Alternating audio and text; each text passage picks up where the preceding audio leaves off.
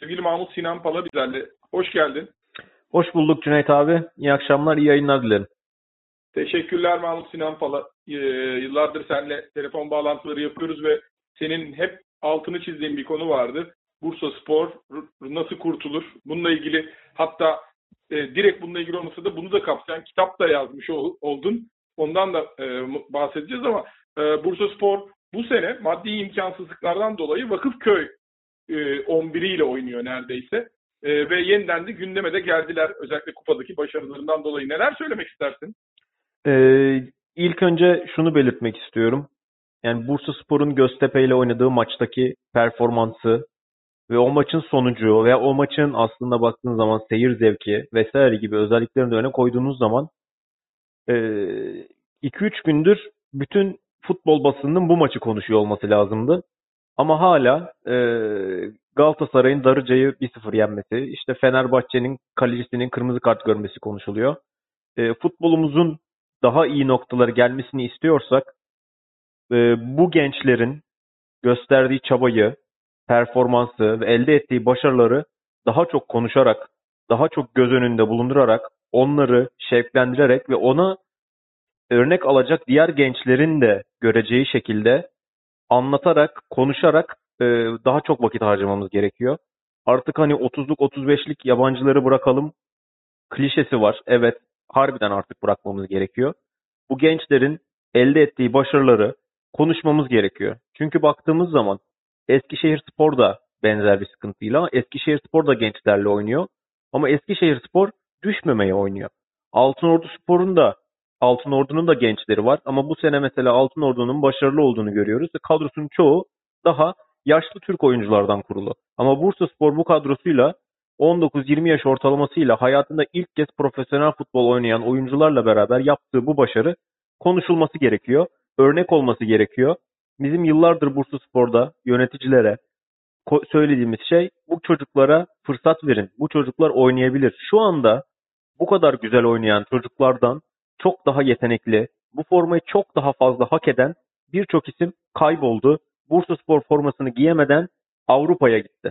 Başka takımlara gittiler. Bunu örnek Mehmet Zeki Oğulcan Çağlayan, işte Ozan Tufan bir, bir sene oynadı gitti. Enes Ünal'dan yararlanamadı Bursa Spor gitti. Yine kullanamadığımız şu an başka takımların altyapısında olan bir sürü oyuncu var. Ee, Bursa Spor şu anki gençler çok güzel oynuyorlar. Çok da güzel potansiyelleri ve gelecekleri var ama şu anki gençlerden 2-3 gömlek üstün bir kadrosu olabilirdi Bursa Spor'un sadece altyapısından çıkan oyuncularla. Bunlar maalesef heba edildi ve Bursa Spor'un şu anda ekonomik sıkıntıda olmasının bir numaralı sebebi de bu gençlerin forma şansı bulamayıp bu gençlerin yerine onlardan daha az potansiyelli olan e, yetersiz oyuncuların yıllarca transfer edilip sene sonunda gönderilip 10 al 10 gönderle yıllarda transfer yapılmasıydı. Mahmut Sinan Pala tam bu noktada şunu soracağım. Bahsettiğimiz gibi bu sene transfer tatlısı açılamadığı için Bursa Spor bu yolda aslında ki başlarında da Mustafa Er var. Bu camiayı ve takımı iyi bilen bir hoca. Sence bu e, bu noktada bir ders olup bu bir e, bu noktadan sonra Bursa Spor için bir e, yol olur mu yoksa ilk fırsatta bundan saparlar mı yine sence? Bu tamamen e, yönetimlerin iradesiyle alakalı. Ee, şu an mesela daha bugün açıklanan bir e, haber var Bursa Spor'un yönetimiyle alakalı. E, biz altyapı yatırımlarımıza daha çok önem vereceğiz ve bu noktada ilk olarak eğitimci eğitimi ve eğitimci yetiştirme noktasında önemli adımlar atmak adına yeni bir projeye başlayacaklarını duyurdular.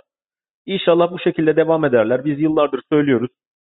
Bursa'nın 3 milyonluk, 3,5 milyonluk bir şehrin tek takımı olması Bursa Spor'un çok büyük bir avantaj yetenek havuzu olarak, e, genetik yapı olarak e, bunlara baktığınız zaman Bursa Spor'un cidden e, çok büyük bir yetenek havuzu var Bursa içerisinde ve Güney Marmara bölgesinde. Bunu daha iyi işleyerek belki de e, fantastik olacak bu düşünce ama bir Bilbao gibi sadece Bursa ve çevresinden çıkan oyuncularla oynayabilecek bir kapasite potansiyeline sahip bir bölgeden bahsediyoruz. Bak hiç potan, hiç fantastik değil Mahmut Sinan Pala. Yıllar önce Bursa'da yapılan bir sempozyuma katılmıştık. Biz o zaman Altın Ordu Başkanı Sayın Mehmet Seyit Özkan da oradaydı.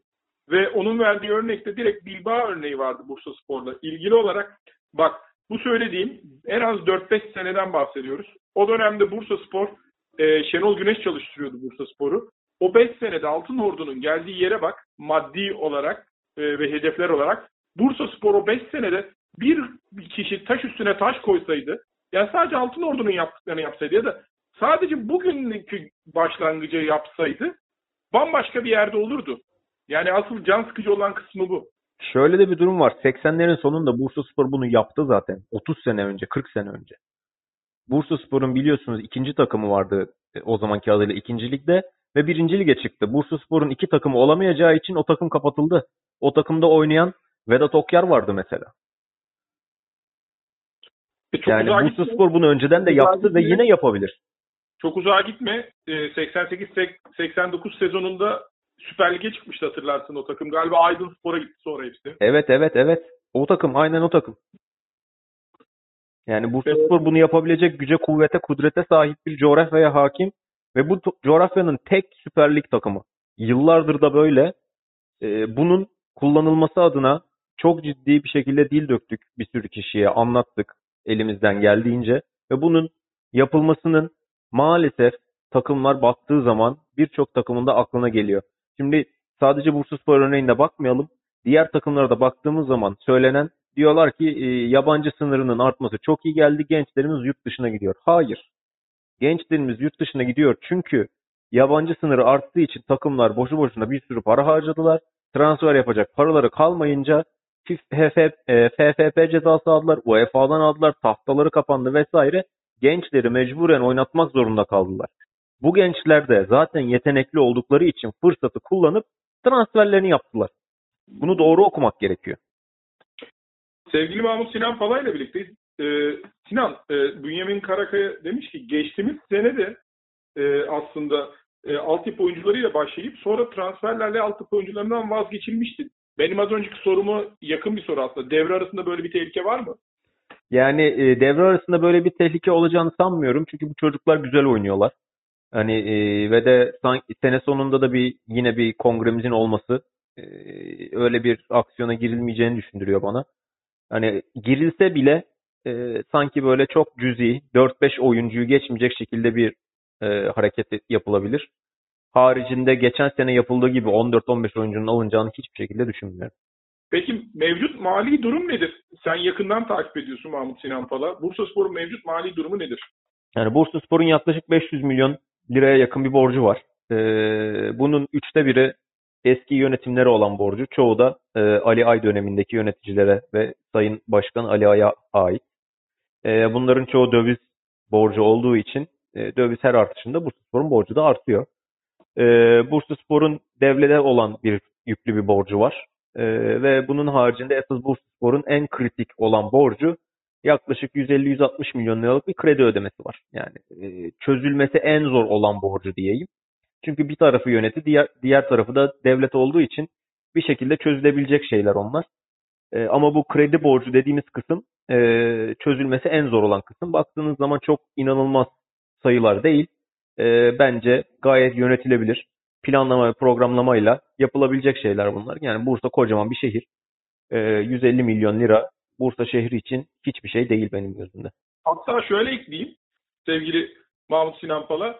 Senin dediğin gibi hani geçmiş sayfalarını karıştırmayalım o zaman üzücü oluyor ama geçmişten bir sürü para kazanabilecek oyuncu vardı. 150 milyon TL bu anlamda bir şey değil ama şu anda bile Ali Akman gibi, Batuhan gibi çocukların adları konuşuluyor. Hatta Burak Kapacak'ı da buna ekleyelim. Hatta Ataberk Dadak Deniz'i de ekleyelim. Sırf onlardan bonservisle bile kapatırsın bu farkı. Tabii ki tabii ki. Ee, peki e, buradan da e, sadece şunu soracağım. Sen şehri de çok iyi biliyorsun, dinamikleri de biliyorsun. Şu şey var mı en azından? Bu kısmı önemli çünkü. Hani mesela her sene Süper Lig'e çıkma baskısında olur tabii ki. Bursa Spor çünkü o ligin takımı ve Türkiye'nin e, dördüncü şampiyonu, e, beşinci şampiyonu özür dilerim. E, bu aslında belki de o baskı olmadan bu projenin devam etmesi daha mantıklı olur. Bu konudaki hissiyat nedir? Yani e, şimdi iki, iki türlü bakış açısı var. Bir taraf Bursaspor kesinlikle en kısa sürede geri dönmeli çünkü ekonomik sürdürülebilirlik adına e, bu ligde kalmamız doğru değil diyor. Diğer taraf ise e, ekonomik durum söylendiği kadar vahim değil. Bunlar sizi korkutulmak için söyleniyor. Planlı programlı bir şekilde daha e, itidalli bir şekilde ilerlememiz daha doğru olacaktır diyor. Hani e, ama e, Süper Lig'e çıkmamız gereken diye konuşan kesimin e, sayıca üstünlüğü daha fazla. E, bu takım biraz daha iyiye gitmeye başlarsa, e, playoff vesaire ol, durumu olursa onların baskısı daha da artacaktır tabii ki. Peki. E, Çünkü sene sonunda e, yine Bursaspor'un olağan kongresi var. E, oraya kadar bazı şeyleri, ekonomik e, durumlarla alakalı bazı çözümlere ulaşmak isteyecektir yönetim veya müstakbel yöneticiler. Peki Sinan Pala bu arada kitabı da sorayım nasıl gidiyor? Ee, hem tepkiler hem e, insanların ilgisi nedir e, ve kaçıranlar için de nereden ulaşabilirler ve e, ne, nasıl bir içerik bekliyor onları?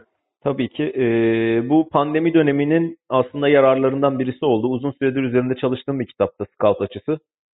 E, Scouting'e giriş kitabı diyebiliriz. E, üç bölümden oluşuyor. Scouting nedir ne değildir? E, futbol teknik tarihinin e, gelişimi kısmı e, scouting'le bağlantısı ve sonunda da e, scouting kalite kontrol piramidiyle başlayıp e, sahadaki pozisyon rollerin anlatımı, e, özellikle bu sahadaki pozisyon rollerin anlatımı kısmı kitabın son kısmındaki e, ben dünyada hiçbir kitapta rast gelmedim. Benim bildiğim kadarıyla dünyada ilk ve tek. Hani burada Evet, bizim sevgili e, çoğu kişinin Biraz- e, Ha, Sesin kesildi. Dünyada hiçbir dediğin andan itibaren devam. Ee, ben dünyada hiç denk gelmedim o son bölüme. Hiçbir kitapta, hiçbir dilde, benim bildiğim diller arasında en azından söyleyeyim. Ee, dünyada ilk ve tek. Yani o pozisyon ve roller kısmı. Burada çoğu kişinin işte doğru bildiği yanlış pozisyon isimleri var, rol isimleri var. Ee, bunların e, biraz da tarihi, kültürel gelişimleriyle alakalı doğru anlatımlarını, doğru tanımlarını bahsetmeye çalıştım. Ee, orası çok özel bir kısım oldu. Ee, şu anda ilk baskımız bitti büyük ihtimalle ve e, ocağın sonuna doğru ikinci baskıya gireceğiz. E, her internet sitesinde, kitap internet satış sitesinin hepsinde var. E, çoğu kitapçıda dağıtımını sağladı. İtaki yayınları sağ olsun çok büyük bir dağıtım yapıyor kendileri de. E, bu konuda çok destek oluyorlar. E, her yerden ulaşabilirler kitabıma. E, size de göndermiştim. İnşallah okumuşsunuzdur. Eyvallah. Peki e, sevgili Mahmut Sinan Pala bir de aynı zamanda kişisel olarak da sende yine e, bir değişiklik oldu. First Eleven Türkiye Koordinatörlüğü o nedir? E, First Eleven ISM e, dünyada aslında çok bilinen ve Premier Lig, Bundesliga gibi ve Brezilya pazarında uzun süredir var olan e, önemli bir e, futbolcu aracılık ve danışmanlık firması. E, hatta yaklaşık bir 6-7 sene önce de bir e, transfer döneminde en çok bonservis e, bedeli ödenen oyuncuların menajerliğini yapan firmaydı. E, kendileriyle görüşmem sonrasında e, Türkiye koordinatörü olmam konusunda anlaştım. Hani hem e, futbol geçmişimiz olması, futbol bilgisine de herhalde onlar da uygun olduğunu düşündüler. Bu noktada hani Türk futboluna yararlı olma noktasında önemli bir rol olduğunu düşünüyorum. İnşallah kulüplerle güzel bir şekilde çalışıp Türk futboluna daha iyi, daha yetenekli, daha potansiyelli, ekonomik olarak da onları daha da rahatlatacak ve para kazandırabilecek oyuncuların gelmesi noktasında yardımcı olmaya çalışacağız. Sevgili Mahmut Sinan Pala ile birlikteyiz. Bursaspor'la ilgili son sorum da şu olsun. E, Ali Akman bu senenin e, en çok öne çıkan oyuncusu. Batuhan ise Göztepe maçından sonra çok konuşulmaya başladı. Her ikisinin özellikleri ve e, birbirlerinin alternatifi midir yoksa iki farklı futbolcu mudur senden alalım. Yani ikisi aslında birbirini tamamlayan futbolcular gibi oynuyorlar. İkili forvet oynadıkları zaman daha çok etkili oluyorlar. Ee, baktığınız zaman Batuhan Kör biraz daha e, tek forvet sistemine ya da kanat forvet e, fiziğine daha yakın bir oyuncu. İki ayağını kullanabilmesi, vuruşlarının kuvvetli ve iyi olması onu biraz daha Avrupa'nın hedefinde tutuyor. E, Ali'nin fizik olarak daha ufak olması e, şu an onu Avrupa e, kademesinde değil ama aslında biraz Türkiye Süper Ligi'nde de iyi iş yapabilecek noktada gözüküyor. Kendini geliştirirse tabii o da gider. Ama ikisi de tek forvetten ziyade daha iki ya da üçlü forvet tarzında oynadıklarında daha başarılı oluyorlar. Batuhan dediğiniz gibi e, inanılmaz bir çıkış yaptı son 2-3 haftadır. İnşallah da devam eder. Hani Batuhan'ın e, genç yaş milli kategorilerinde hiç fark edilmemiş ve hiç milli olmamış olması da çok enteresan. Aslında bu da yani yazdığın kitapla da ilgili bir konu. %90 aslında o yaşlara kadar e, bulunuyorlar ama demek ki arada kaçanlar da oluyor değil mi? Ya, ya da belki önünde oyuncular çok kaliteli, çok yetenekli oyuncular vardı. Ona sıra gelmedi de diyebiliriz belki. Peki. Çok teşekkür ederim sevgili Mahmut Sinan Pala. Ben çok çok teşekkür ederim. İyi yayınlar dilerim. Mahmut Sinan